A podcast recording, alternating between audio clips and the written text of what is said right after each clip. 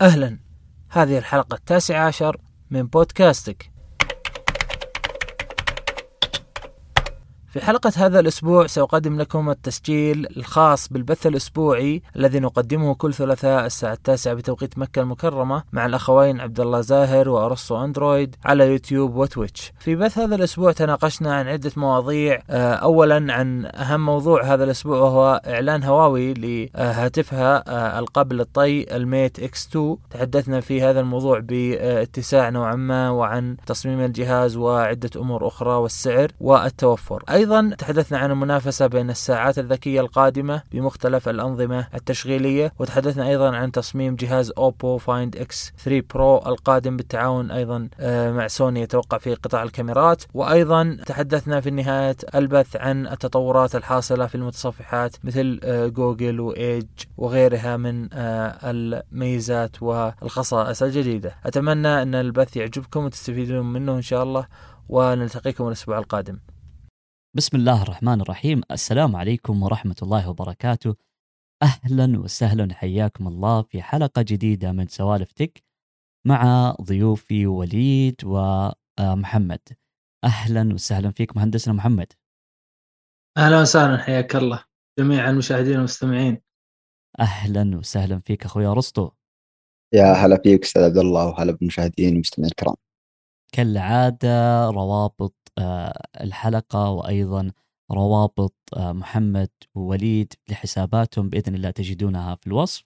واليوم عندنا حلقة بإذن الله تكون مثرية والنقاش فيها آه، ساخن خصوصا بعد إعلان هواوي عن ال Mate X 2 واللي نزل بعد تقريبا غياب سنة سنتين وبتصميم مختلف كليا وجديد وتخلت فيها أخيرا آه، هواوي عن فكرة آه، الطي للخارج واستبدلتها بالشاشات آه، اللي نستطيع طيها للداخل.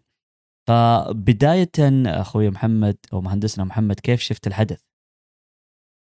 أهلا وسهلا. أه والله شفته إيجابي جدا. يعني أنا عكس يمكن نسبة كبيرة من التقنيين والناس اللي يعني كانوا مهاجمين الهواوي في الحدث نفسه.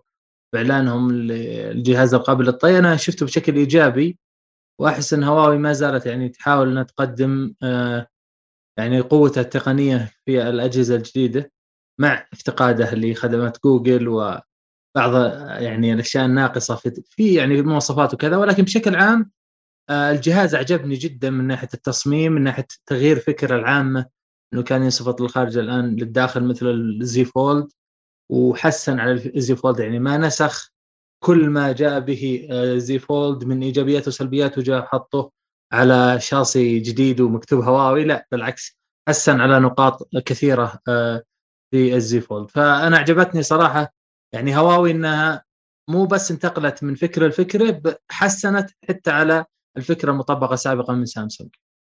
آه صحيح. إحنا شفنا واجهة أو الواجهة الأمامية والشاشة الأمامية أصبحت بالكامل ومدمج فيها الكاميرا والكاميرا كانت أيضا بعتاد آه، قوي ومواصفات حتى أبعاد الشاشة الأمامية آه، جدا جبارة. وأيضا الشاشة آه، الداخلية أتت بمفصلات قوية ثلاث أضعاف الجهاز السابق وأيضا الشاشة كانت أكبر.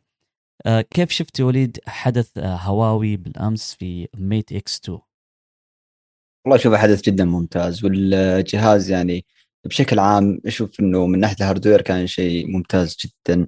يعيبه ممكن فقط السعر ولا لو تجي المواصفات ككل من ناحية المعالج الشاشة. الشاشة لازم يعني آخذ على هواوي انهم لازم معتمدين على 90 هرتز. ما أدري ليش ما رفعوا السقف لل 120 هرتز. مع إنه أتوقع إنه جهاز Honor الجديد اللي أعلن اللي هو ال V40 على ما أعتقد إنه كان 120 هرتز. فاتوقع إن التقنية جاهزة عندهم؟ ليش ما قدموها في جهازهم هذا؟ ليش ما قدموا آخر شيء عندهم؟ فهذه النقطة أخذها على هواوي. باقي المواصفات من ناحية ال hardware جدا ممتازة. التصميم كان جدا أنيق. الثقب اللي الأمامي ممكن إنه يكون يعني مقبول شوي. تمنيت إنه يكون بشكل أصغر لكن لا زال مقبول يعني مش إشكالية كبيرة. آه، فالتصميم ككل يعني جدا ممتاز. آه، المساحات استغلوها بشكل ممتاز. المساحة الجهاز نفسه هو أتوقع إنه أكبر من ال Fold حتى وقت الإغلاق أو وقت فك الجهاز. فالجهاز ككل من التصميم 9 على 10 ال hardware 9 على 10 الباقي عنده ال software. أنا سمعت من هواوي كلمة ترويجية حلوة يعني ممكن تكون تسويقية. لكن هي محفزة لشريحة من الناس اللي تحب يعني تستخدم كل شيء جديد اللي هو إنه أول جهاز بيدعم بنظام الهارموني. فضربوا على أكثر من وتر ضربوا على ال hardware بجهاز ممتاز ضربوا على ال software بإنه في تحديثات جاية بتجي في نظام جديد بيدعم على الجهاز. لكن عيبه فقط السعر. آه نرجع بإذن الله لمسألة السعر ومشكلة السعر هذه اللي ما راح تنحل. خصوصا مع الأجهزة آه القادمة والمنافسة. آه لكن خلونا نبدأ في آه تفاصيل الشاشة وتفاصيل الجهاز. ناخذها آه حبة حبة. نبدأ من آه الشاشة أبعاد الشاشة الأمامية. آه مثل ما تعرفون 6.45 آه إنش آه تعتبر شاشة كبيرة وليست آه صغيرة. صحيح إن في حواف و في آه، ليست يعني الشاشة بالكامل. آه، الاماميه لكن ممكن نقول إنه عشان آه، تدعم قوة وصلابة الجهاز. أما بالنسبة للشاشه الداخلية فهي أشوفها شاشة جبارة تقريبا 8 إنش تقريبا شاشتين جنب بعض تقريبا أو ممكن نقول إنه منافس لبعض ال tablet tablet أو ممكن منافس لبعض أو ال iPad mini. الدقة فيه عالية جدا 2480 في 2200 بكسل. ومعدل التحديث مثل ما ذكرت أخوي وليد إنه 90 هرتز. صحيح إنه مو 120 هرتز بس أنا أتوقع إنه ال 90 هرتز هذه كان لها مغزى. الشاشة الأمامية نسينا ما يعني نسيت أذكر إنه بدقة 2700 في 1160 بكسل. آه كيف شفت آه مهندس محمد؟ مواصفات الشاشة.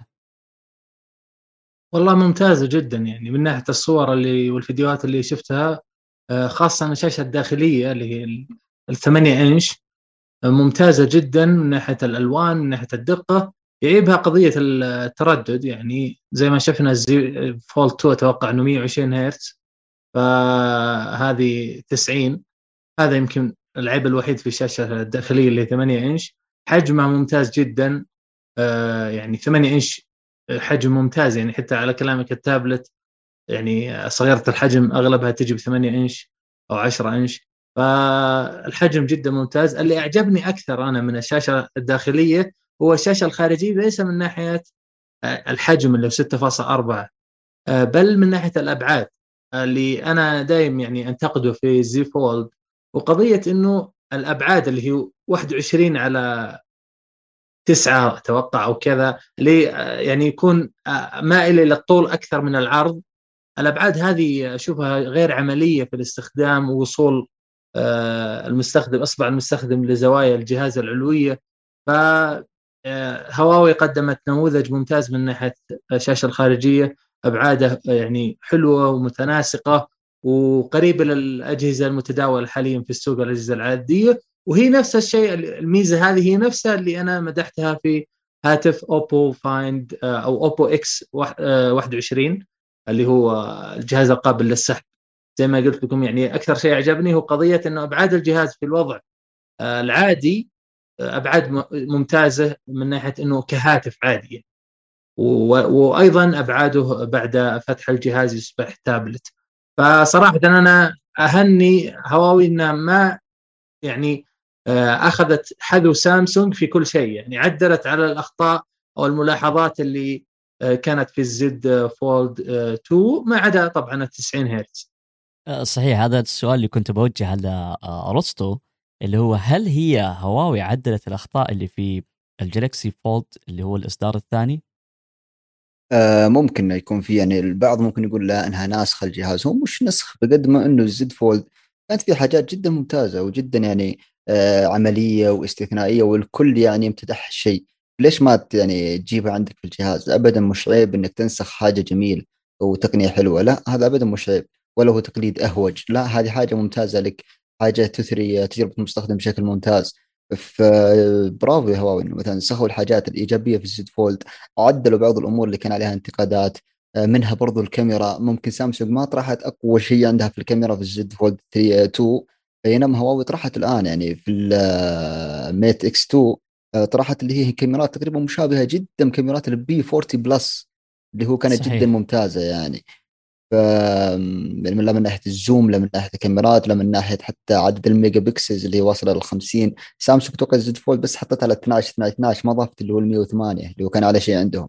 فهواوي يعني ما استخسرت في هذه الحاجتين يعني اشتغلت على الكاميرا بشكل ممتاز اشتغلت على الأبعاد اشتغلت على كل الأمور تقريبا بشكل آه كملت فيه النواقص في Z Fold 2 آه لكن ممكن لا زال التوفر عندها فيه إشكالية ممكن نتطرق لها بعد شوي. آه صحيح. آه طبعا المواصفات الجهاز آه، زي ما إحنا عارفين إنه جاب ب Kirin 9000 وكعادة آه، هواوي إنها معتمدة على آه، رقاقات أو معالجات ال Kirin آه لكن الذاكرة العشوائية كنا نطمح إنها تكون 12 جيجا لكن للأسف إنها جات ب 8 جيجا. السعة التخزينية 256 والإصدار الثاني كان الأعلى فئة كان 512 جيجا بايت. وفي أيضا دعم للتخزين الخارجي عن طريق بطاقة ال NM. نيجي عند الكاميرات زي ما ذكرت آه، أرسطو إنه الكاميرا الأمامية بحد ذاتها 16 ميجا بكسل مع مع المستشعر 16 ميجا بكسل ف آه، تقريبا رمت أفضل التقنيات اللي موجودة عندها في هذا الجهاز. أيضا بالنسبة للكاميرات اللي في الخلفية عندنا كاميرا آه، أربع كاميرات تقريبا واحدة منها مع المستشعر اللي هو بدقة 50 ميجا بكسل والكاميرا الثانية اللي هي ال ultra wide 16 ميجا بكسل يعني آه، جدا جدا آه، جبارة. وال telephoto اللي هي جايبة 12 ميجا بكسل آه، مواصفات يعني جبارة. حتى إنه في ال telephoto تدعم حتى التقريب ثلاث مرات يعني ثلاث أضعاف التقريب في ال telephoto وبعدسه 12 ميجا بكسل يعني مواصفات يعني فعلا جبارة. وهي تقريبا أحدث ما توصل لها في توصلوا لها في هذا في حتى اللحظة هذه. وكان أيضا فيه المستشعر الأخير اللي هو بدقة 8 ميجا بكسل وعدسة آه، بريسكوب وكانت حتى آه، فيها الدعم التكبير حتى 10 آه، مرات أو 10 أضعاف. ففعلا هواوي حطت كل ثقلها في هذا الجهاز وعلى أبرزها وأبرزها الكاميرات. كيف كانت قراءتك مهندس محمد؟ لهواوي من ناحية الكاميرات؟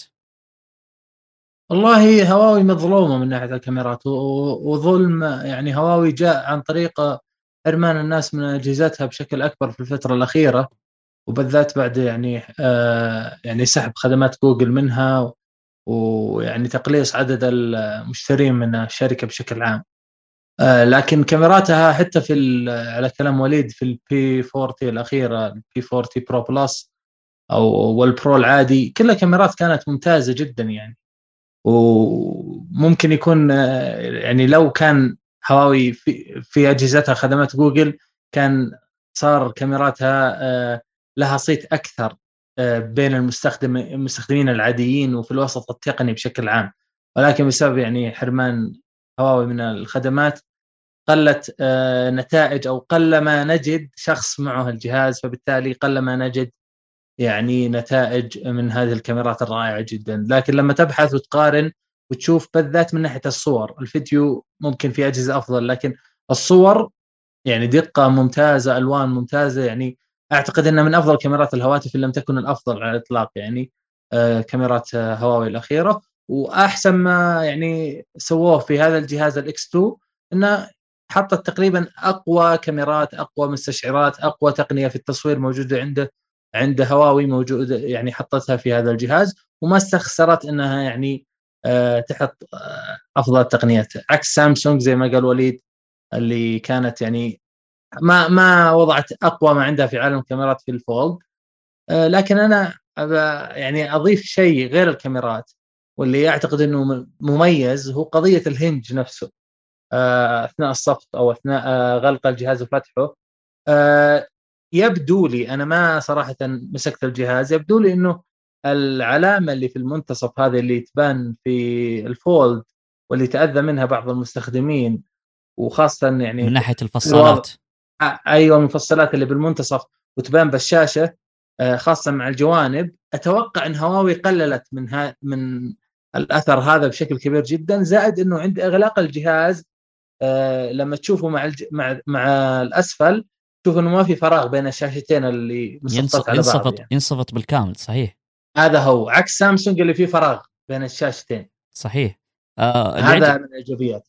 اللي يعجبني يا آه رستو أيضا إنه آه هواوي تتعلم ما هو ما هي جالسة تتعلم مثلا من أخطائها أو إنها ما هي جالسة تحل أخطائها هي نفسها الحالة هي جالسة تتعلم من أخطاء الشركات الثانية وأيضا تحاول إنها تضيف للشركات الثانية تحاول إنها تنافس.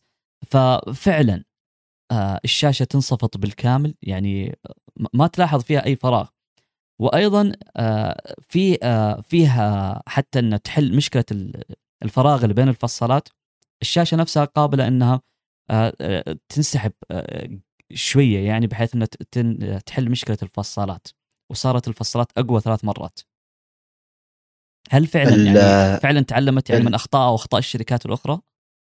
آه، لو تذكر إنه قبل يمكن أسبوعين تكلمنا عن الأجهزة المطويه قلنا إنه ال Z Fold 2 آه هو كان يعني يوجه السوق بشكل ممتاز وبشكل إيجابي آه من ناحية الأجهزة المطويه يعني يقدم لك حاجات جدا ممتازة. بقى هنا شغلة إنه يشتغلون على السلبيات. من السلبيات اللي كانت في ال Z Fold 2 كانت اللي هي المفصلات وطريقة الانطواء وإنه الفراغ اللي يكون بينها والشغل هذا. فهواوي كتفت الشغل بهالشكل يعني واستعرضت إنه المفصلات هذه ومدى متانتها ومدى يعني قدرتها في الانطواء وإنه كيف تقفل الجهاز بشكل متساوي. أنا شفت مقطع فيديو وشفت أكثر من صورة كذا للجهاز في العرض يعني. شفت الانطواء تقريبا يعني يا الله يطلع يعني يا الله يوضح لك في الشاشة حتى لو الشاشة مغلقة لو الشاشة سوداء يعني. بالعاده لما تكون الشاشة سوداء يكون الانعكاس واضح لك مكان الانثناء هذا.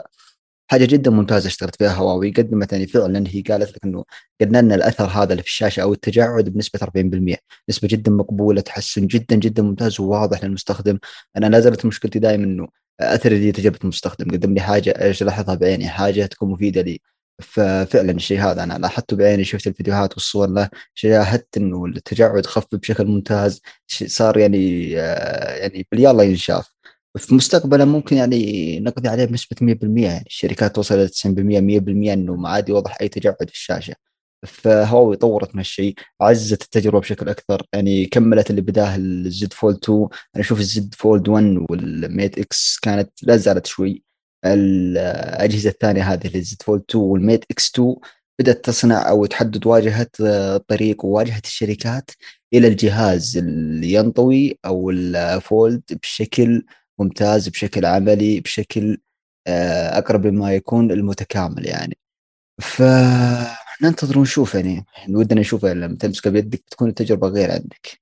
صحيح دائما حنسمع بالمثل يقول سبحان الله دائما الزين ما يكمل.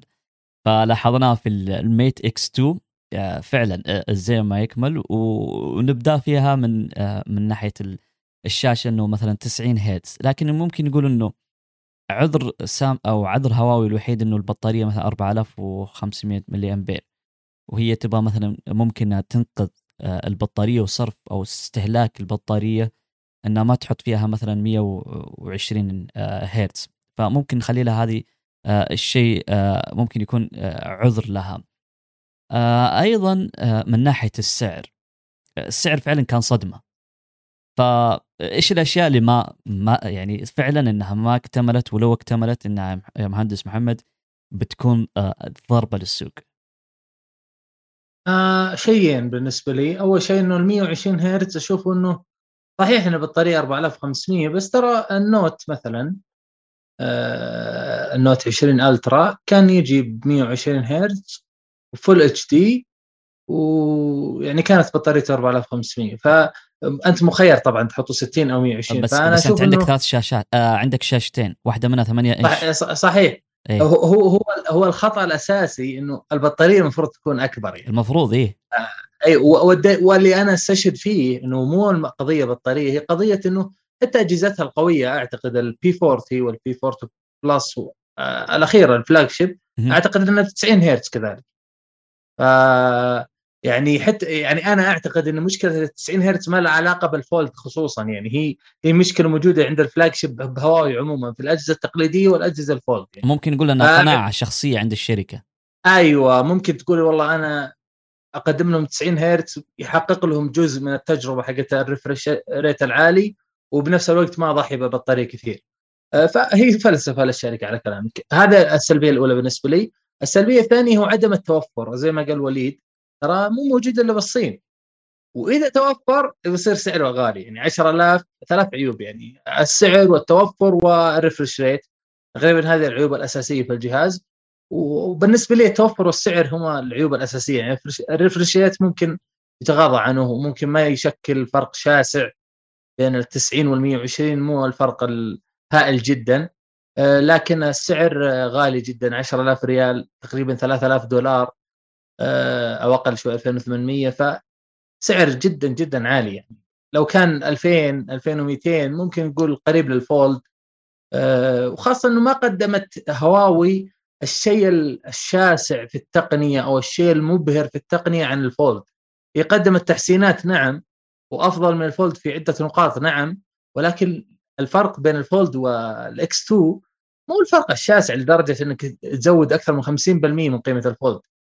فالسعر غير مبرر. قضية التوفر اللي ما زال من ال X 1 من يعني منذ منذ بداية الاجهزه القابله للطي عند هواوي غير متوفر إلا في الصين. توفر في الإمارات أتوقع ال X 1 فترة.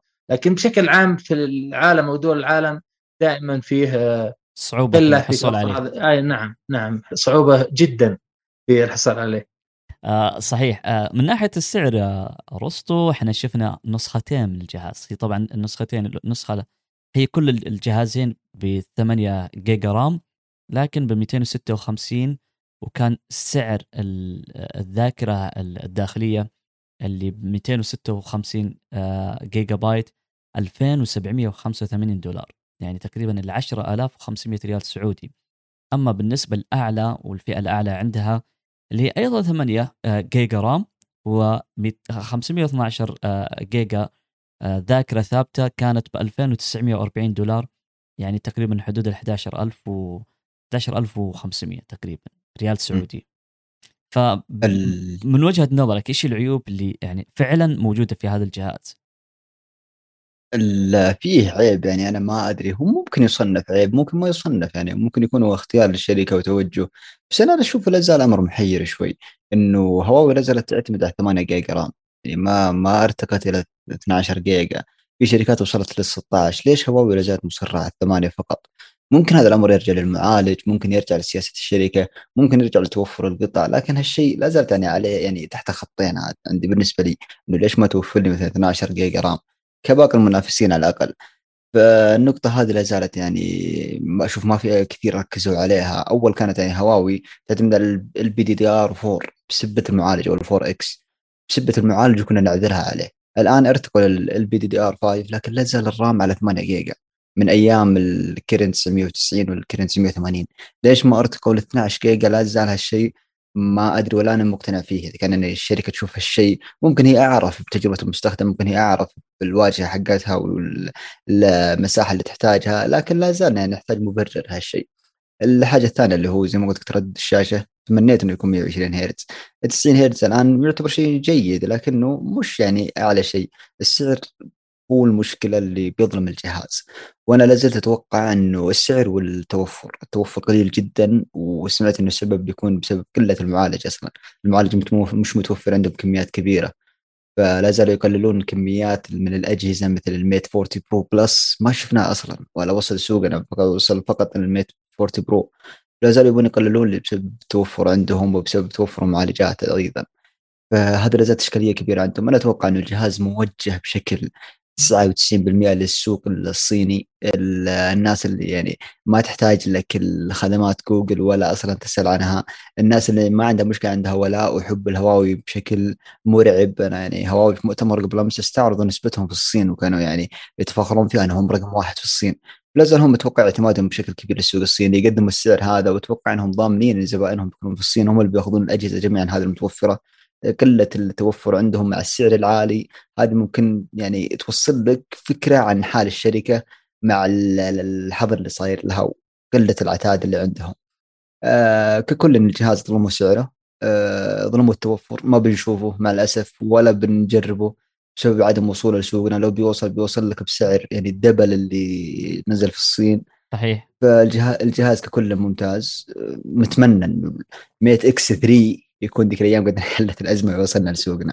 هذا هو التمني. يعني أتوقع إن فيها وحش قادم خلال الشهر أو الشهرين الجاية راح ينسيك بإذن الله هواوي.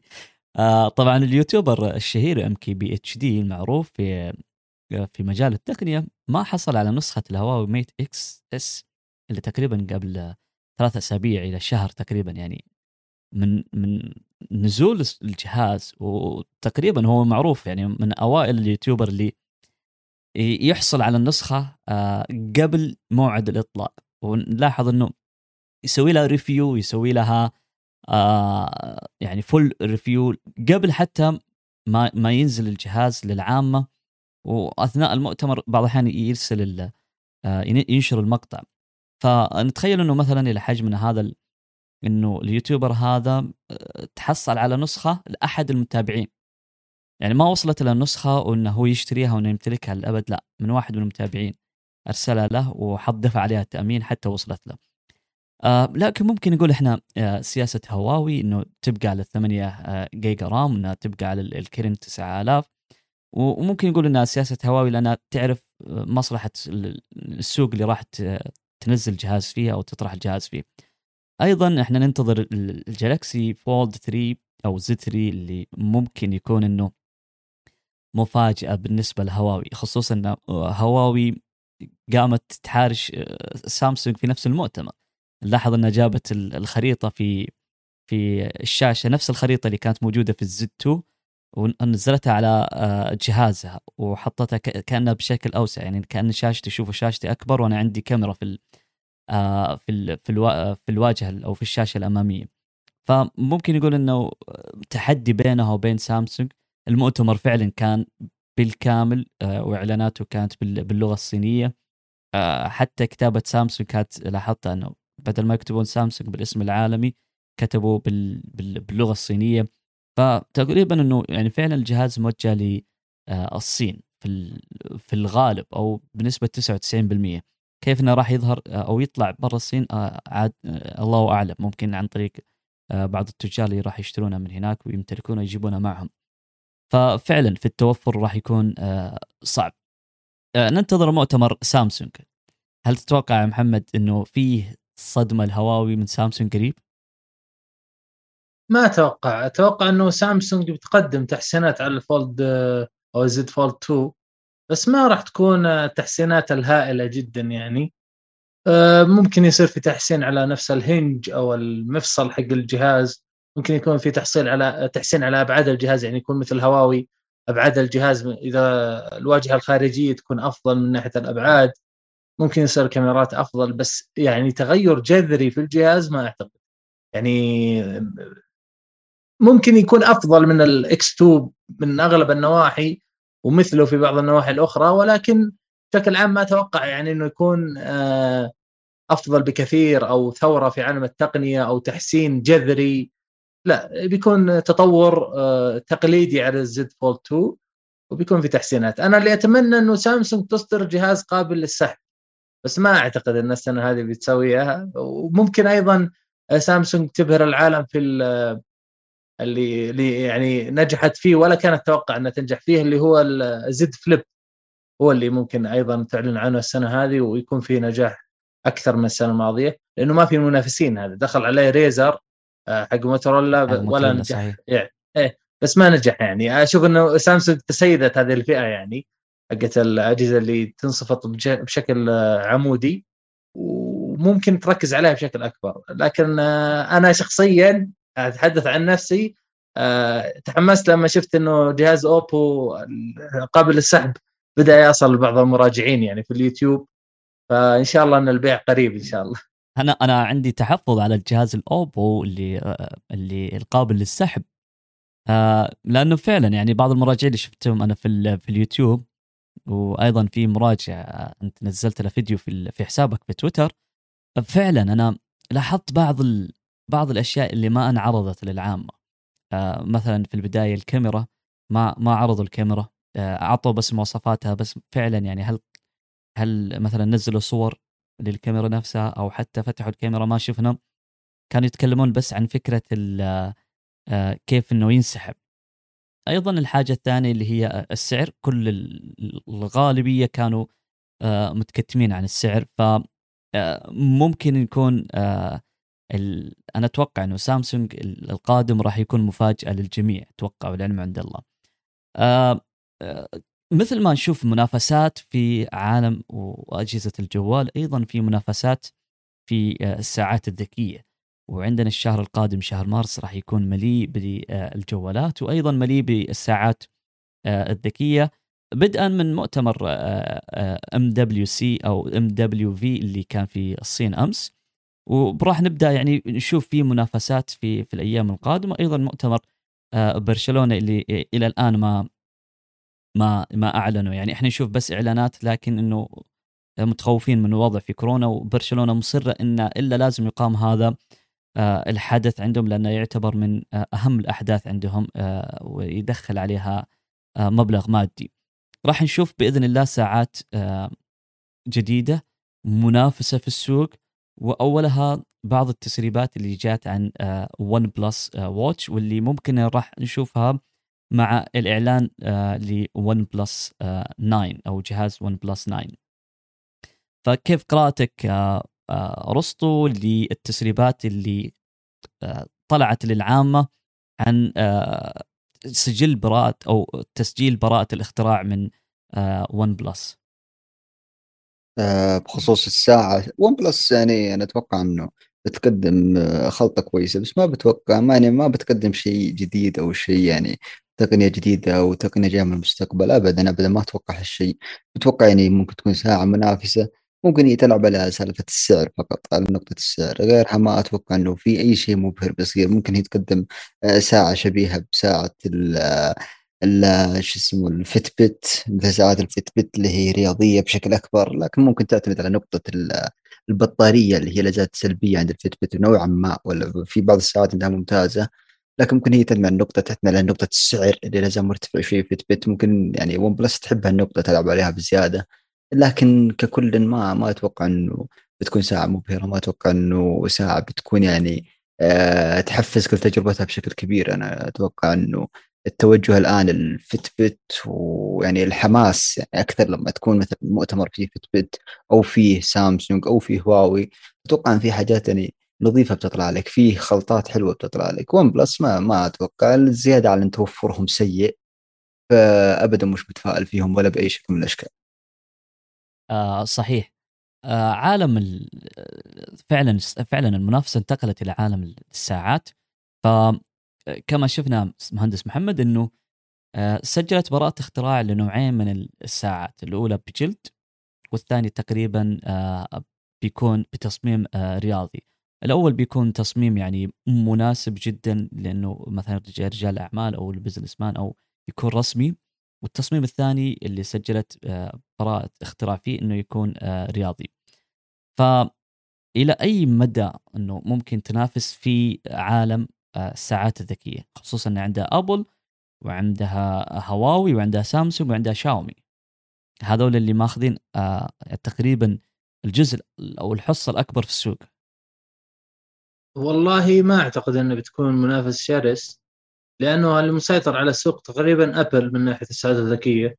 وبسبب آه، وحيد هو قضية النظام الأبل واتش نفسه. نظام ممتاز يعني وعملي وكفاءة عالية وما في مشاكل. عكس نظام ال Wear OS ونظام تايزن اللي تستخدمه سامسونج في ساعاتها وبعض الشركات الثانية. فأنا أعتقد إنه على حسب النظام اللي بتتبناه ون بلس. ما هو النظام اللي بتضعه ون بلس على الساعة الذكية؟ أكثر من قضية السعر أكثر من قضية التصميم أكثر من قضية جلد ولا ولا مثلا رياضي أكثر من قضية نسخة hyperpunk ولا cyberpunk مدري حقت اللعبة هذه. آه ويعني ون بلس أعتقد أنه يعني على كلام وليد السنوات الماضية ما تقدم ثورة في عالم التكنولوجيا. تأخذ لك يعني تعطيك الخلطه الأنسب الأكثر كفاءة الأكثر استقرار بسعر مناسب. وبس ما تعطيك ثورة في عالم التكنولوجيا. فأنا أتوقع إنها بتتبنى يعني Wear OS ولا مثلا تايزن كانت آه، لأني أنا لاحظت إنه آه، تايزن آه، في نقاط عديدة أكثر استقرارا من OS خاصة في السنوات الأخيرة. فبشكل عام أنا أشوف إنه تعتمد على النظام أكثر من قضية ال hardware لأنه الآن عكس أندرويد. أندرويد نظام مستقر وممكن يعني تأخذ أي واجهة وتحصل على تجربة قريبة من الأخرى. عكس نظام ال Wear OS اللي لما نقارنه مع نظام ابل حق الساعات نشوف انه جدا فاشل تقريبا أو أو في مشاكل كثيرة. آه، فبالتالي النظام هو الأساس يعني. ون آه، بلس داخل السوق ما في نظام مستقر ما في نظام قوي تبني عليه آه، جهد ال hardware. هو إحنا اللي شفناه في التسريبات إنها راح تعتمد على تصميم دائري ما راح تعتمد على تصميم مثلا مربع زي اللي شفناه في الشاومي أو في ساعات أبل. أيضا إنه راح يتم تزويدها بمعالج اللي هو Snapdragon Wear 4100 يعني معالج قوي بالنسبة للساعة. أيضا من المفاجآت إنه راح تشتغل بنظام خاص. يعني حسب التسريبات انها في نظام خاص فيها بدلا من نظام جوجل Wear ف ممتاز. أي هذا هذه التسريبات اللي آه، اللي موجودة. أتمنى أنا صراحة لأنه ترى نظام خاص في الساعات أمر مو صعب على الشركة مثل ون بلس. يعني عنده خلفية software جيدة وممكن يصير هو يعني تبدا يتبناه حتى شركات ثانية مستقبلا. يعني مثل تايزن سامسونج لما بدأته في الساعات كان كثير من الشركات أو كثير من المستخدمين بالأحرى يقولون يعني سامسونج ونظامك وكذا والآن يعتبر من أحد أفضل أنظمة الساعات. وهذا المفاجأة اللي راح راح نتطرق لها بعد شوي اللي هي إنه سامسونج راح تتخلى عن نظامها وراح تتجه إلى نظام جوجل آه، وير في ساعاتها أو في الساعة القادمة. يعني الناس تهرب من نظام جوجل آه، Wear وتستبدل بالنظام أو بأنظمة خاصة بالتشغيل خاصة فيها خصوصا إنه أنا ممكن أسوي تطبيق وأنزله في آه، نظام جوجل أندرويد ويصير التطبيق متناسب مع ساعتي. وأستطيع أضيف المميزات اللي أنا أحتاجها التصاميم الواجهات. لكن شوف إنه آه سامسونج راح تتخلى عن نظامها اللي هو تايزن وراح ترجع إلى نظام جوجل Wear. مع إنها من 2014 هي آه تطور في النظام حقها تايزن هل ممكن آه رصدوا إنه بنشوف فعلا حسب التسريبات والمسرب الكبير اللي هو آه موقع سام موبايل وأيضا أتوقع آه آيس آه في مسرب اسمه. آيس إنه راح تتخلى سامسونج عن تايزن وراح ترجع إلى آه جوجل Wear والله شوف التسريبات جدا قوية واتوقع إنه الأمر يعني صار شبه أكيد الآن آه إيش السبب؟ السبب بصراحة يعني مشكلة Wear OS يعني من آخر سنتين تقريبا أو ثلاث لا زال في تخبط ما في تحديثات مستمرة ما في تحديثات قوية تصير في تطويرات ما في مثلا دعم متكامل من جوجل وكأن جوجل مهملتها بشكل كبير. الغريب إنك تنصدم إحنا كنا متوقعين إنه خلاص التطبيق يعني النظام التشغيلي هذا ممكن شارف على الوفاة حتى.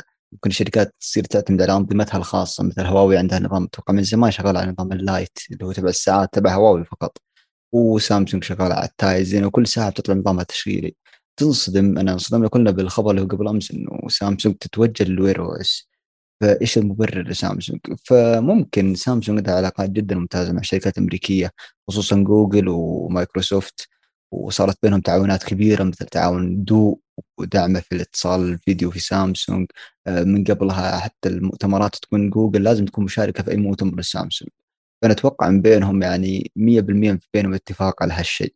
بينهم ممكن وعو... إيه، بينهم ممكن وعود من جوجل بالتطوير بالتحديثات المستمرة للنظام يعني أخذ يعني النظام بشكل أكثر جدية تطويراته بمزامنته مع الأجهزة الجديدة مع برضو دعم الخصائص الجديدة. ممكن برضو إنه يأخذ الحاجات الحلوة في التايزن. فأنا أتوقع بينهم يعني إذا بيصير هالشيء في وعود بين جوجل وسامسونج في اتفاقيات بينهم على هالشيء. إحنا نلاحظ إنه المسربين المهندس محمد إنه تقريبا سام موبايل هو المختص في كل ما يخص بأجهزة سامسونج وأيضا المسرب المعروف في تويتر Ice Universe. فتقريبا هذا أقوى مصدرين. فكيف شفت الخبر؟ والله خبر مفاجئ. أنا ما دريت من يعني ما دريت عن هذا الخبر إلا منك صراحة. آه، يمكن فاتني ولا اطلعت عليه. لكن آه، أنا نفس كلام وليد. أعتقد إنه يعني الكل يتفق تقريبا. لو نقارن الآن استقرار ويعني مزايا وعيوب نظام Tizen للساعات ونظام Wear OS الساعات بنقول إنه Tizen مع إنه كله كل النظامين مو مثالية ولكن Tizen أقل مشاكل. وأفضل في عدة نواحي.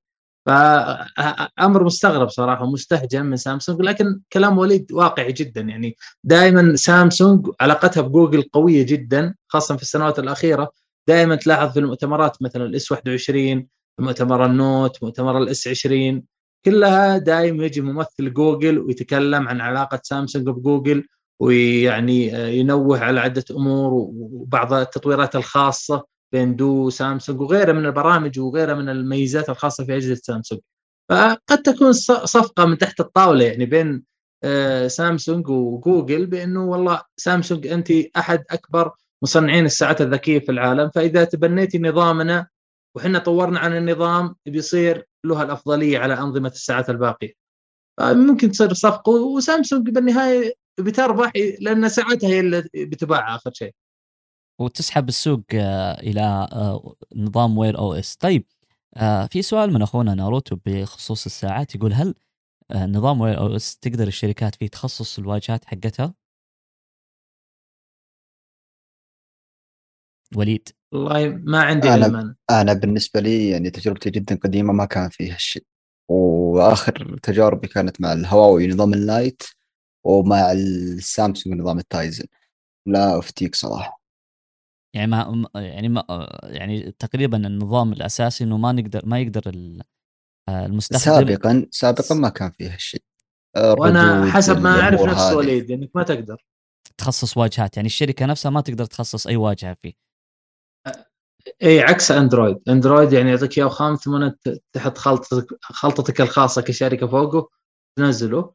آه، بينما ال Wear OS حسب حسب علمي يعني وحسب مشاهدتي إنه ما في إلا Wear OS شكل واحد يعني. إلا إذا جو تحديث كل الساعات يعني اللي فيها Wear OS على نفس النسخة بتلقاها نفس الشكل تقريبا نفس الواجهة ما فيها يعني. ممكن يكون فيها ميزة إضافية للشركة بس إنه مو الواجهة كاملة تختلف يعني. ال UI ما في UI فوق ال Wear OS أنا أتوقع إنه آه، نظام الأندرويد الأساسي اللي على الجوال إنه يتيح لك إنك تتصل مع أي نظام آخر. فالشركات بالنسبة لها إني أنا أصمم نظام خاص فيني للساعة الخاصة آه الخاصة فيني أنا وأربح حاجتين. أربح أول شيء إني أطور نظام أو أطور تطبيق يكون على نفس النظام أو على نفس النظامين نظام ال iOS اللي هو تبع أبل وأيضا تبع آه، جوجل. فتقريبا غالب الشركات بتروح لهذه الميزة إني أنا والله ساعتي أبغاها تلبس لجميع المستخدمين سواء لمستخدم الآيفون أو حتى لمستخدم الاندرويد فغالب الشركات وغالب الشركات المتخصصة أيضا في الساعات تصنع نظامها الخاص لأنها تقدر تحط تطبيق آه، خاص فيها على الاندرويد وأيضا تخليه على ال iOS اللي تبع الابل فلاحظ إنه مثلا شاومي لاحظ مثلا Fit اللي استحوذت عليها جوجل مؤخرا لاحظ أغلب الشركات انها هي تسوي تطبيقها الخاص من من هذه آه، الناحية. فنشوف الأيام الجاية ممكن إنه آه، جوجل تعطي تفضل يا وليد. في نقطة مهمة اللي هي استحواذ جوجل على ال Fitbit يعني أنا أتوقع أنه أبدا مش مصادفة أنه جوجل تستحوذ على ال Fitbit بشكل كامل. آه، أتوقع تو الصفقة اكتملت بشكل متكامل قبل يمكن شهر أو شهرين. لأنه خلاص يعني استحوذت على كل الأصول تبعت Fitbit ومنها إنه حتى الساعات الان صارت إيه وإنه حتى الساعات وهي صارت تباع في متجر جوجل. فأتوقع إنه ابدا مش مصادف إنه هالحدث يصير وبعده بتقريبا شهر أو شهرين يصير يعني إعلان سامسونج بتتوجه ل Wear OS. أتوقع إن جوجل بتتوجه بشكل أكبر أنا متفائل إنه جوجل بتتوجه بشكل أكبر لل Wear OS. تبدأ يعني آه، يعني تعطيه أكثر جدية من الإهمال السابق له من التحديثات من هذه الأمور. والحاجة الثانية إنه Tizen يعني نكون صريحين شوي. هو مش البرنامج مش البرنامج التسويقي القوي جدا اللي, اللي تقول إنه مثلا سامسونج شغال عليه لها 10 سنين وفجأة طاح.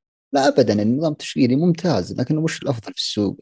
مش إنه يعني شيء يعني عنده حزمه تطبيقات أو عنده مثلا متجر تطبيقات قوي جدا. لا لا في منافسين آه، قريبين منه. لا زالت أبل متفوقه عليهم مراحل يعني هالشيء خالصين منه. ممكن جوجل التفتت هالنقطة قالت خلاص نوحد شغلنا بشكل واحد بما أن يا جوجل الآن دخلنا كمنافسين وأنتم يا سامسونج يعني آه، حلفائنا من قبل فإحنا حبايب ونشتغل شغل واحد أتوقع هذه وجهة نظر جوجل في الموضوع. فبتحاول انها توحد نظام يخدم الكل وينزل عند رغبة الكل ممكن. من هذه الناحية. آه طيب آه نجي على إنه الشهر الجاي بإذن الله راح يكون فيه آه عدة أجهزة وتعتبر من الأجهزة القوية في السوق. واللي لها آه اسمها في السوق وثقلها في السوق راح تبدأ تنزل في خصوصا شهر مارس. وعلى آه رأسها اللي هو آه، الأوبو. ولاحظ إنه في تعاون يعني وخبر حلو إنه الأوبو Find X 3 القادم راح تكون فيه عدسات بالتعاون مع سوني. فكانت في بعض التسريبات وفي بعض المواصفات اللي طلعت حتى في في ال Geekbench إنه والله في هذه ممكن نقول إنها مبشرة بالخير لجهاز Find X 3 Pro أو نفس الجهاز اللي هو ال Oppo. وأيضا إنه لاحظوا إنه في بعض آه، بعض الاختبارات كانت على أربع أجهزة. فالتسريبات حتى الآن إنه راح تكون آه، هناك أربع أجهزة من Oppo ل Find X3 وأيضا إنه في فئة أو الفئة الأعلى راح تكون بمستشعر من آه، سوني. آه، هل فعلا اللي ناقص آه، Oppo هو فعلا المستشعر من سوني؟ مهندس محمد؟ آه لا للأسف. أنا أعتقد إن Oppo يعني زينت شغل ممتاز جدا في آخر جهاز لها اللي هو Oppo Find X2 السنة الماضية. وكان الجهاز ممتاز. أنا شفت مراجعات كثيرة جدا من ناحية software حسنت كثير. Oppo على واجهه واجهة المستخدم. من ناحية الكاميرا كانت ممتازة وكان فيها تقريب ممتاز. آه، جودة الصور جودة الفيديو كانت جيدة جدا. ما كانت أفضل كاميرا موجودة ولكن لما تقارنها مثلا مع المنافس الأساسي تقريبا OnePlus 8 Pro تجد إنه Oppo أفضل. آه، مع إن الجهازين يعني تقريبا لشركة واحدة بالنهاية بس إنه آه يعني تشوف إنه Oppo قدمت شغل أفضل من ناحية التصميم جميل جدا من ناحية الكاميرا من ناحية الواجهة من ناحية الشاشة. أغلب الأشياء في ال Oppo Find X2 كانت ممتازة ما عدا السعر. سعر الجهاز كان عالي. أتوقع إنه كان 1100 يورو أو 1000 وكذا يورو. فكان سعره عالي. أه ولهذا أنا اللي يعني أنقده كذلك على سعر Oppo يعني القادم اللي هو Oppo X3 مع تصميمه غير مشجع. يعني نسخ لصق من تصميم ال iPhone الأخير مع يعني مع مع إنه التصميم يعني مو بس نسخ لصق مع تشويه شوي. بس بشكل عام خلى التصميم لنقل إن التصميم ذوق أو إن التصميم أمر خارج إطار يعني الأرقام أو يعني التقييم العام لأنه يخضع لشخصية الإنسان وذوقه وكذا. لكن السعر هو الأساس. إذا كنت بتقفز بسعر الجهاز إلى 1300 دولار آه ويعني تخليه أغلى حتى من ال S21 Ultra فهذا أمر غير مقبول هو جهاز غير يعني غير قابل للطي أو ما فيه ميزة أو ثورة تقنية عشان تحطه بهالسعر زائد إنه يعني OnePlus و Oppo كلها زادت أسعارها في السنوات الأخيرة وصارت حول ال 1000 دولار. فأشوف إنه السعر لو تخفض تحطه على حدود ال 800 دولار أشوف إنه سعر يعني ممكن يشجع المستخدمين إنهم يقتنون جهاز Oppo. والكاميرات اتمنى إنه يعني علاقته مع سوني تخلي Oppo تنافس على أقوى كاميرا حتى يعني. لانها ترى ما هي بعيدة عن الموضوع يعني. وضعها من ناحية الكاميرات أفضل حتى من OnePlus بمراحل. آه وليد ارسطو هو اللي فعلا أول من انتقد التصميم حق آه، ال Find Oppo آه X اللي هو ال Oppo Find آه آه X3 أو ال Find 3 ف كيف شفت يا وليد فعلا الجهاز كتصميم وأيضا كإضافة للحساسات سوني؟ آه بالنسبة للجهاز جدا ممتاز. أنا لما أتكلم أنا ك hardware Oppo ما عليها كلام. إحنا شفنا السنة الماضية ال Find X2 Pro كان من أفضل أجهزة السنة لكن كان عيبه ممكن السعر شوي كان مرتفع كان في السوق السعودي ب 5000 ريال تقريبا. كان سعره شوي مرتفع يعني ملحوظة يعني ليش وصل هالسعر 5000 يعني مع إنك Oppo دخيل على سوقنا المفروض يعني تراعي في السعر بشكل ممتاز. لكن آه، يوم شنو تكلمت عن نقطة إن Oppo بتوفر أكثر من جهاز كلمة حق Oppo من أفضل الأجهزة من أفضل الشركات اللي توفر أجهزة بفئات مختلفة لكن بخلطات ممتازة. يعني شفنا السنة الماضية ال Find X2 Pro وال Find X2 كانت الفروقات بينهم جدا طفيفة. يعني في شركات على طول أول ما تبدأ مثلا انه الجهازين أو فئتين أول حاجة تبدأ فيه تسخط تسخط لك المعالج. تجيب لك معالج يعني من اردى الأنواع على طول. لا Oppo قدمت معالج 865 آه، كان في ال Oppo Find X2 Pro وال Find X2 العادي. هذه النقطة كانت جدا ممتازة. الذاكرة الداخلية ال RAM الشاشة أبدا ما استخسرت هذه الأمور. في الفئات عند Oppo جدا ممتازة فقط هم لعبوا في سالفة البطارية والكاميرا. اللي حتى كانت فروقات بسيطة جدا لكن السعر كان فيه فرق مجزي تقريبا 200 دولار بين الفئتين أو 300 دولار. فحاجة جدا ممتازة عند Oppo اللي هو يعني سالفة الفئات عندهم لما يوفرونها. لكن لما نجي عند التصميم ال Find X2 Pro السنة الماضيه كان من أفضل التصاميم. صراحة الشكل صحيح. الخلفي مع الجلد مع الألوان اللي نزلت معه نزل معه أتوقع الأزرق والبرتقالي كانت يا رجل شيء مبهر. الشكل الأمامي كان مع الثقب الصغير جدا والشاشة شبه كاملة. شيء شيء شيء مو طبيعي. وكانت أصلا من أوائل الشركات اللي دعمت لك ال Quad HD مع ال 120 هرتز. اللي سامسونج أيامها ما قدمتها. الشركة هذه تقدم لك خلطات نظيفة جدا. تقدم يعني ما تستخسر ابدا في أجهزتها لكن مشكلتها يعني في ال Find X2 3 اللي هو التصميم. ابدا مش مبرر إنك تقدم تصميم بهالقبح اللي قدمته. التسريبات طالعة الآن ما في شيء رسمي عشان نتكلم لك الآن يعني.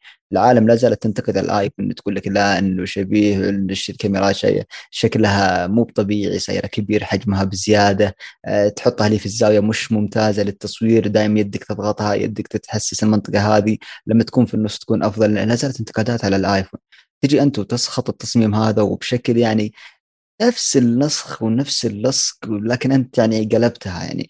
ما أدري وش يحشون في الشركة هذه. يعني الشكل الآن ما صار يعني غريب أو ما صار يعني نفس ال iPhone. تصميم جدا مش مبرر جدا جدا كارثي. اتمنى إن Oppo يعني تستخير تنزل فئة ثانية أو تنزل أو انه التسريبات غير حقيقية. أو إنه مع إنه أتوقع إنه خلاص صرنا على الابواب مع الأسف. ممكن فئة ال Lite هي اللي تنزل بتصميم غير ويكون بشكل أفضل. التصميم هذا ابدا مش مبرر. حتى حتى يوم حطوه بالجلد حتى شكله مش مقبول. لا زالت مشكلته مع السعر أو مشكلته مع السعر ومع التصميم. التوفر في السوق السعودي يتأخر لكن ممكن نمشيها. بس الحاجتين هذه ما ما تعتذر ابدا. آه، طيب خلينا نه... آه، إحنا نرجع لناحية التصميم. أنا أول ما شفت التصميم ذكرني في حاجتين.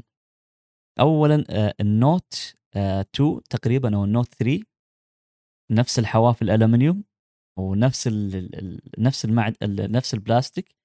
وفعلا الكاميرات كانت تقريبا قريبة من الكاميرا ال iPhone اللي هو الأخير. وأيضا في آه تقريبا في انحناء انحناء الكاميرا.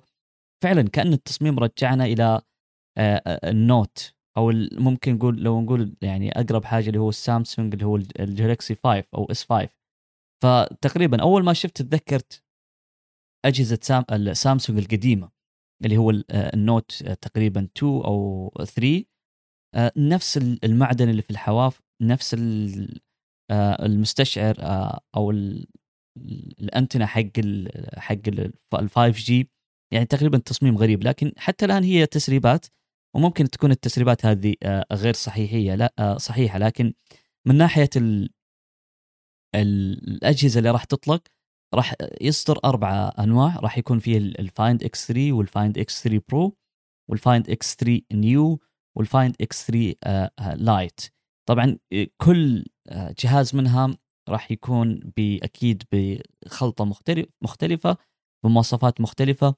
وأيضا حسب التسريبات إنه راح آه، يكون في نظام آه، أو راح يبدون في من أقل فئة ب Snapdragon 870 وحتى آه، أعلى فئة ب Snapdragon 888 ف آه، فعلا يعني فعلا التسريبات حتى الآن يعني غريبة. آه، هل هي التسريبات غير ما هي مكتملة؟ أو فعلا هذه التسريبات صحيحة حتى الآن؟ ما فيه أي تأكيدات. كيف شفت مهندس محمد التسريبات وقراءة العتاد وقراءة ابعاد الشاشة ومواصفات الشاشة وأيضا مواصفات الأجهزة بشكل كامل؟ والله آه يعني أوبو من الشركات المظلومة اشوفها خاصة بسوق الشرق الأوسط يعني آه وبالذات بنقطة يعني الفلاج شيب والأجهزة يعني الرائدة. قليل ما تجد شخص يشتري جهاز من أوبو آه من ناحية الأجهزة الرائدة. ففيه يعني للأسف يعني جموح أو أو فيه مو جموح فيه يعني رفض من من المستخدمين من شراء أجهزة أوبو الفلاج شيب. ولكن على العكس تماما يعني أجهزة أوبو ممتازة وفيها نقاط إيجابية كثيرة وأعتقد انها من أكثر الأجهزة تستحق إن الإنسان يستثمر أمواله فيها يعني. آه، لكن السعر السعر هو يعني أنت شركة جديدة على السوق آه، شركة ما الناس ما تعرفك غالبا يعني غير المتخصصين يمكن ما يعرفون Oppo. فتدخل على السوق السعودي بسعر 5000 ريال على كلام وليد يعني في Find X 2 Pro السنة الماضيه فهذا سبب. آه، الأسباب الأخرى السنة هذه مع ال Find X 3 والفئات المختلفة آه، أنا أشوف إنه السعر والخلطة على حسب. يعني إذا كان إذا كان بيبدأ سعر الجهاز من 500 دولار مثلا اللايت أو من 450 دولار وبيتدرج معك إلى ال 1000 دولار أو 1100 دولار لأعلى فئة بأعلى سعة تخزينية ممكن يصير عند المستخدم أقل شيء خيار لو ما لو ما يقدر يدفع أعلى فئة إنه يأخذ من الفئات الأقل وتكون معه خلطة ممتازة. انت ذكرت إنه في معالجين في 888 في 870 أنت تقصد 770 أتوقع. لا Snapdragon 870 على الفئة الأقل.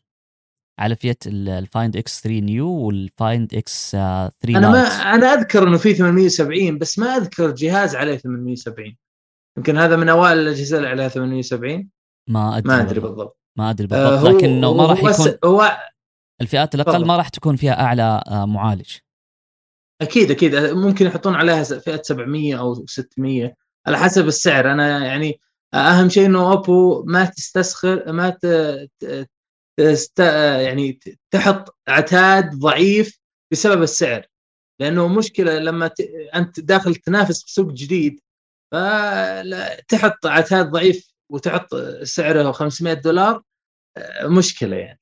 أقل شيء تحط فئة 700 من سناب دراجون معالجات ممتازة. أبسط مثال ال Google Pixel 5 عليه فئة 700 من Snapdragon فبشكل عام أتمنى إن Oppo تستمر على قضية العتاد مع ملاحظتي للتصميم والسعر. آه فعلا هو آه، أنت تتكلم من ناحية السعر. طيب آه ليش آه، بهذه المواصفات القوية ليش ما نقول والله فعلا هي سعرها مقارب للسامسونج وفعلا آه، سعرها مقارب للهواوي اللي بسعر 5000 و 6000 أو حتى لل iPhone. وفيها مواصفات ما هي مثلا في آه، بعض الأجهزة اللي هي بسعر أغلى من جهاز ال Oppo Find فلو نلاحظ إنه مثلا الشاشة 120 هرتز وأيضا فيها الشاشة حجم الشاشة أو أبعاد الشاشة 6.7 آه، انش ومن نوع ال OLED وفيها جودة الشاشة نفسها كواد اتش دي. فليش دائما آه، وحتى البطارية فيها 5000 ملي أمبير وأيضا حتى فيها الشحن السريع آه، بسعر خمسة بقوة 65 واط فيها شحن لاسلكي فإحنا ليش نستخسر مثلا إنه والله السعر على الشركات تعطينا اداء أو تعطينا عتاد قوي؟ وأيضا حتى النظام الأندرويد راح يكون فيها نظام آه، أندرويد الأخير اللي هو 11 آه، فكيف ممكن نبرر آه، من ناحية من ناحية السعر وليد؟ السعر ابدا مش مبرر. أنت لما تقارني في سامسونج في هواوي في حاجة اسمها اسم للشركة في حاجة اسمها علامة تجارية. سامسونج ما جاتك من العدم ونزلت لك سعر ب 5000 ريال. لا سامسونج شركة لها 10 سنوات في مجال الهواتف. شركة جالسة قائمة على عتادها تقريبا بشكل كامل. شركة تصنع للشركات الأخرى. شركه لها ثقلها في السوق هي الأكبر أكبر مصنع للأجهزة الذكية في العالم. لما تنزل سعر بهالقيمة ابدا شيء هذا يعني آه، لها حوافز لها مبررات لها أسباب يعني. والشيء من العدم نزلت سامسونج بالسعر الشيء هذا برضو ينطبق على هواوي. هواوي دفعت ملايين ملايين في الأجهزة في التطوير في البحث في التعاونات مع لايكا مع غيرها بخصوص الكاميرا بخصوص العتاد المتبقي آه، بخصوص التسويق حتى من أقوى الشركات اللي دفعت في التسويق واستخسرت. وفي كل بلدان العالم تقريبا دفعت وجابت لها مسوقين وجابت لها شغل. لما تنزل هواوي بس جوال حتى هواوي ما وصلت 5000 تقريبا. يعني هواوي فقط مع الأجهزة المطوية من بعد سالفة جوجل أسعارها طارت في السماء بسبب إنه مثلا بسبب إنه العتاد عندها قليل بسبب المعالجات عندها فيها شح. هذه الأسباب. هي يعني على أسباب منطقية نزلت السعر هذا. ولا زال سعرها حتى ما وصل 5000 ريال حتى مع ال Mate 40 Pro اللي نزل آخر شيء في سوقنا. فتجين أنت أوبو تنزل السعر. أنت ما عندك شريحة في المجتمع. لما اتكلم الحين داخل على أسواقنا الخليجية. من أنا؟ أنا الحين لما أتكلم مع واحد ما يفهم مثلا في التقنية ما عنده يعني آه ما عنده خلفية ممتازة في التقنية وفي جديدة وكذا لما أقول له جهاز من أوبو 80% ما بيعرف. وش أوبو هذه؟ ما, ما عنده خبر عنها. لما تجيني أنت الحين يعني السنة الماضية دخلت السوق بجهاز أوبو رينو 4 و4 برو نزلت لي سعر جهاز متوسط ب 2200 و 2400 ريال. هالشيء كان كارثي جدا. أنا ما العالم ما تكلمت عنه بشكل كبير. ما أدري التقنيين في ناس كثير امتدحوا هالشيء. فالشيء هذا ابدا كان مش مبرر. كنت مستغرب ومنصدم. شلون الشيء هذا تبررونه؟ بالسعر هذا ينزل لي هو UFS 2.1 ومعالج متوسط. وتردد 90 هرتز Full HD يعني ما كان شيء مبهر. ليش نزل لي بالسعر هذا؟ من السنة الماضيه أسعارهم غير مبررة. ال Oppo Find X 2 Pro نزل Oppo 5000 ريال حتى ما نزل عليه أي تخفيض ما نزلت سعره. آه، خلال سنة الآن ما نزل في سعره ولا تقريبا 1000 ريال. اسعارهم نزلت عليها تحتها 90 خط. نتمنى إنه Oppo تلتفت هالشيء. تبي تدخل سوق جديد لازم تلعب على ناحية السعر. تراعي الناس. تحاول تكسب لك جمهور وشريحة في المجتمع هذا اللي أنت داخل عليه على الأقل. آه طيب من ناحية ال اسمح لي أبو. تفضل. آه اسمح لي يا عبد الله. آه قبل شوي أنا سألتك عن ال 870 وسويت بحث سريع عشان نفيد المتابعين. آه أو من أوائل الأجهزة اللي أعلن عنها ب 26 يناير الماضي يعني آه. قبل أقل من شهر آه أعلنت موتورولا عن جهاز اسمه Edge S Motorola Edge S مواصفاته ممتازة يعني عليه 870 اللي هو 7 نانو آه معالج 7 نانو يدعم ال 5 G وعليه شاشة 90 هرتز LCD وعليها 6.7 وعليه Android 11 وعليها شو اسمه 128 6 RAM أو 8 RAM وأيضا عنده كاميرات ممتازة تصور 4K و60 frame و5.1 بلوتوث و5000 ملي أمبير بطارية وسعره جدا مبهر 300 دولار. أنا أتوقع إنه حتى في ال Geekbench اللي هي إنه الجهاز لما شافوه أتوقع إنه يعني جاب حتى score كويس عالي. يعني راح يكون قريب أنا من صراحة متفاجئ من السعر حق الجهاز هذا حق موتورولا. ما أدري إذا أوبو بتاخذ حذو موتورولا من ناحية السعر بكم سعر بتفاجئ الجميع. 300 دولار يعني سعر جدا رخيص يعتبر. والله أنا شفت ال Geekbench حقه يعني فعلا إنه آه، حتى قوة ال single core فيه كان جايب 962 يعني آه، في المالتي كور آه، جايب 3154 يعني فعلا جبار. لأنه 7 نانو هو قريب ترى. أفضل معالج يتوقع 5 نانو. م. معالج 865 حق السنة الماضية 7 نانو. يعتبر من المعالجات الممتازة يعني نظريا. طبعا آه في لما نتكلم عن آه أوبو طبعا هي أوبو من الشركات الرائدة في مجال في مجال الشحن السريع. فهي تطور الآن تقنية super charge 3 واللي راح يشحن يعني المفاجأة إنه راح يشحن الجهاز 100% في خلال 20 دقيقة. راح يشحن بقوة 80 واط. ففعلا هي الشرك هي من الشركات اللي رائدة في مجال آه، الشحن آه، السريع واعتمادها أو تقنيتها هذه جاية من الون بلس ف مثل ما الون بلس هي أيضا رائدة في مجال الشحن السريع أيضا اوبو اللي هي تابعة نفس الشركة آه، في مجال الشحن السريع من الأجهزة آه، المتفوقة. آه، اوبو صحيح إنها غير منتشرة في الخليج العربي بشكل كامل لكن ممكن نجدها مثلا في مصر منتشرة، نجدها مثلا في السوق الهندي، في السوق الصيني، في سوق شرق آسيا فعلا منتشرة. في السوق الأمريكي أنا ما أتوقع إنه السوق الأمريكي الاحتكار ما بين الابل وبين سامسونج وكان سابقا آه، في هواوي جزء له كبير لهواوي وأيضا لشركة ون بلس فنلاحظ إن حتى شركة ون بلس دخلت في أمريكا بون بلس ما دخلت بأوبو. كل حملاتها التسويقية في أمريكا لأجهزة ون بلس وهي من الأجهزة الرائدة أيضا في أمريكا بهذا بهذا الاسم أو بهذا المسمى. فعلا مواصفات الجهاز جدا جدا مبهرة وإن شاء الله إنه يكون التسريبات فعلا من ناحية العتاد إنها حقيقية لكن من ناحية التصميم نتمنى ان نشوف التصميم يكون بشكل أفضل. ما هو نفس التسريبات اللي إحنا شفناها. نأتي على موضوع جدا مهم اللي هو في الآونة الأخيرة شركة جوجل راحت تغير تغيير جذري في المتصفح حقها اللي متصفح كروم. طبعا إحنا نعرف إنه متصفح كروم مبني على نواة أو على بنية كروميوم واللي بدأت بعد شركة مايكروسوفت وعملت متصفح ايدج على نفس البنية اللي هو بنية كروميوم. فالآن نتفاجئ إنه مثلا جوجل كروم بعد ما شافت المنافسة القوية من إيدج راح تغير من خططها وراح تحاول إنها تطلع لنا متصفح جديد ما يستهلك من موارد الجهاز ويكون سريع ويكون مو بس فقط سريع لا يكون فائق السرعة ويقدم نفس خدمات جوجل العادية مثلا ال extensions الإضافات إلى إلى آخره. ففعلا الآن أصبحت المتصفحات هي بحد ذاتها نظام. لما تحتوي على من أنظمة حماية وما تحتوي على من أنظمة تشغيل. ف إيش تتوقع من محمد مهندسنا محمد من نظام جوجل أو جوجل كروم القادم؟ والله أتوقع حل المشكلة يعني المستعصية اللي جوجل من سنوات تعاني منها في جوجل كروم وهي استهلاك ال RAM الغير طبيعي. يعني بدا شخص إذا راح يشترى لابتوب 8 RAM يحس إنه سبعة من حين ماخوذه للجوجل كروم إذا كان يستخدم كروم.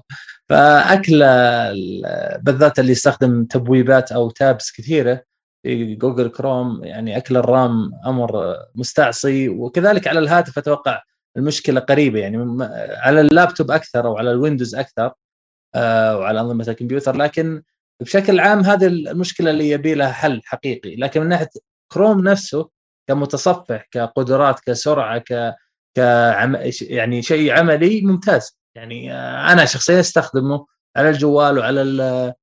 وعلى اللابتوب وممتاز جدا وسريع وما في مشاكل ولا تعليقات ولا يعني أنا أشوف إنه بس لو نحصل على كروم بدون استهلاك RAM عالي هذا كافي.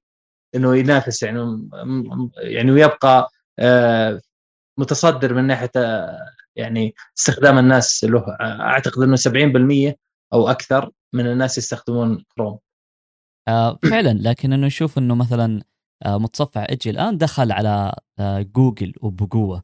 فكيف راح تشوف وليد آه متصفح أو التطورات اللي راح تحصل لمتصفح آه كروم القادم؟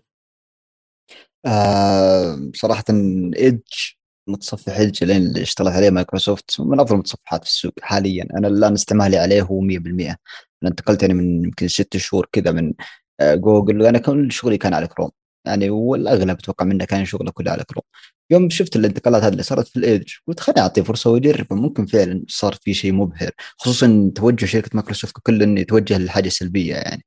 فجربت المتصفح صراحة شيء آه، مبهر. لا من ناحية استهلاك لل RAM استهلاك ال RAM أقل من جوجل يعني. شغل شيء يعني بسيط يعني ما, ما يعتبر شيء يذكر يعني. مع إن مايكروسوفت يعني سوقت للشيء بشكل كبير أقل استهلاك من كروم بس ما الفرق يعتبر قليل نوعا ما. آه لكن التحديثات لا زالت مستمرة للإدج لا زالت الميزات اللي اضافوها له لا زال الدمج متجر الاضافات مع متجر آه كروم شيء ممتاز جدا للمتصفح يعني مايكروسوفت عرفت منين تبدأ؟ يعني بدأت من حيث توقفت كروم. ما بدأت شغلها من جديد ومتجرها من جديد. لا لا كملت على نهج كروم المتصفح قدم ميزات حلوة المزامنة مع التطبيق اللي في الجوال بشكل ممتاز جدا. يعني متصفح بحيث إنه السجل تقدر تستعرضه من الجوال أو من اللابتوب طلع لك نفس النتائج. هذه الحاجة توها اندعمت تقريبا من شهر. فدليل على التحديثات مستمرة لهالشيء آه كروم يعني ما تدري يعني جوجل وين توجهها بالضبط. يعني هي وقعت اتفاقية هذه مع مايكروسوفت وسمحت لها براءة الاختراع اللي هي تبني على نواة كروميوم وفي نفس الوقت يعني سمحت المنافس قوي زي كذا. مايكروسوفت إنها تبني متصفح قوي وراحت تدفع لأبل بحيث إنه تحط متصفح كروم افتراضي عندها. إيش ليش التناقض هذا؟ أنت خسرت تقريبا الآن يعني كم الأجهزة اللي تستخدم ويندوز في العالم؟ تقريبا 90% من السوق على ويندوز، أنت خسرت الشريحة هذه الكبيرة جدا وتوجهت ال 10% ليش؟ إيش المبرر يعني؟ في حاجة غريبة جدا تستغرب من جوجل، هل المبلغ اللي دفعته مايكروسوفت فلكي؟ حتى لو كان فلكي ما ما يعني إنك تخاطر يعني الشيء اللي اشتهرت فيه اللي هو المتصفح وأقوى حاجة تسويقية عندك. فمتصفح Edge أتوقع إنه الآن يعني لا زالت تحديثاته مستمرة، لا زالت أموره يعني آه، تتوجه للإيجابي بشكل أسرع من جوجل. ما أتوقع إن جوجل بيكون تحديثها لل RAM بشكل كبير وإنه بيعتمد على تقليص الاعتماد على الرام لأن أشوف الرام إنه صار مستقبل جميع البرامج الحين. البرامج كلها صارت تتسند على الرام بشكل كبير لأنه صار أسرع في الاستعمال ووصل نقطه إنه أبني على الرام بشكل أفضل وبشكل أسرع لي أنا كتجربة مستخدم. أنا ما يهمني المستخدم مثلا يحتاج مثلا آه، متصفح يتحمل الضغط أو يتحمل لا المستهلك العادي يحتاج متصفح سريع معي يجاوب معه بسرعة.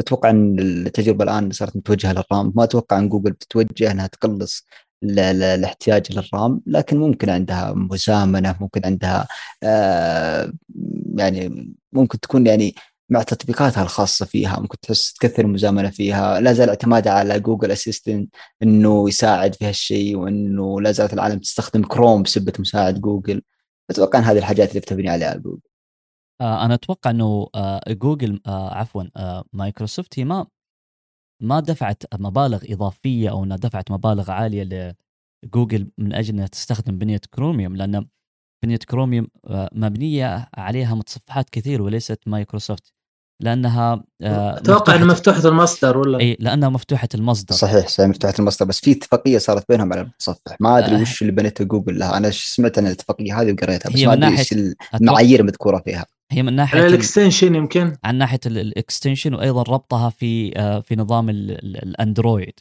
أصبح إنك تقدر تنزل تطبيق ال Edge وتربطه بشكل كامل مع نظامك في الويندوز. حتى إنه نافس مثلا قاعد ينافس آه، ربط أجهزة أبل في بعض. يعني فعلا آه، أنا جالس أستخدم آه، تحولت بشكل كامل على Edge ففعلا جالسه تربط بين الجهاز حتى أن جهازي مثلا آيفون مع الويندوز بشكل سلس وبسهولة. فمايكروسوفت في السنوات الماضية تقريبا الثلاث سنوات الماضية الأربع سنوات الماضية صحصحت أخيرا بعد طول غياب وبعد غيبوبة كبيرة. وسمحت آه، للبرامج المفتوحة المصدر إنها تتبناها وانها هي تبدأ في تطوير البرامج مفتوحة المصدر. وبدعت في كثير من البرامج كثير كثير يعني آه، واحدة من البرامج اللي هي Edge هو مفتوح المصدر يقدر أي شخص يطور عليه ونشوف تطويرات اللي تقريبا كل أسبوعين كل ثلاثة أسابيع يجيني آه، تحديث آه، بحجم 105 ميجا بحجم 111 أو بحجم 112 ميجا آه، آه، ميجا بايت. معناته إنه التطوير كبير. فاللي خلى مايكروسوفت تتفوق في الآونة الأخيرة هي استحواذها على GitHub كأكبر مصدر كود في العالم وأيضا مفتوح المصدر. وأيضا البرامج اللي سمحت بتطويرها وتنزيلها في مايكروسوفت أو في الويندوز بشكل كامل ونلاحظ يعني لو دخلت على آه، على مايكروسوفت في GitHub وشفت البرامج اللي تحت مايكروسوفت المفتوحة المصدر بتلاحظ برامج كثيرة. وعلى سبيل المثال اللي هو ال Visual Studio اللي هو تقريبا الآن أصبح البرنامج الرئيسي لكثير من المطورين ولكثير من المبرمجين حول العالم. إنه حتى ما في مطور أو مبرمج ما يعرف هذا التطبيق. والسبب الأول إن الدعم مايكروسوفت له وأيضا آه، عامة المطورين وإنه مفتوح المصدر يقدر يطور عليه أي شخص. أيضا هذا من ناحية Edge إنه آه، مفتوح المصدر وسمحوا للمطورين إنهم يطورون فيه. آه، الحقيقة اللي فرحني أيضا في مايكروسوفت إيدج في الآونة الأخيرة إنه راح تصنع أو تخصص متصفح داخل هذا المتصفح حقه للأطفال. بحيث إنه يحمي آه، خصوصيات الأطفال، سلوكيات الأطفال، الأشياء اللي راح تظهر للأطفال. فإلى أي حد وإلى آه، إلى أي مدى إحنا محتاجين لهذا الشيء يا مهندس محمد؟ والله محتاجين له كثير يعني أشوفه من أهم الأشياء بشكل عام يعني سواء آه، سياسة يعني تخصيص تطبيقات أو نسخ من التطبيقات أو نسخ من البرامج خاصة بالأطفال بحيث إنها تكون فيها مراقبة من ناحية المحتوى اللي يقدم فيها من ناحية إنه ذكاء اصطناعي يتحكم في المحتوى اللي يمكن يستعرضه الطفل واللي ما يمكن أعتقد إنه شيء مهم. لكن اللي أهم من هذا هو الوعي الأبوي. بالنسبة لي أنا أشوف إنه يعني بدون وعي أبوي لو تخصص كل الشركات نسخة من تطبيقاتها خاص بالأطفال ما له فائده لأن الطفل بيروح يحمل النسخة العادية. يعني بيكتب عمري 18 وبيحط إني مولود في يعني يحط أي بيانات بس ويدخل ويستخدم.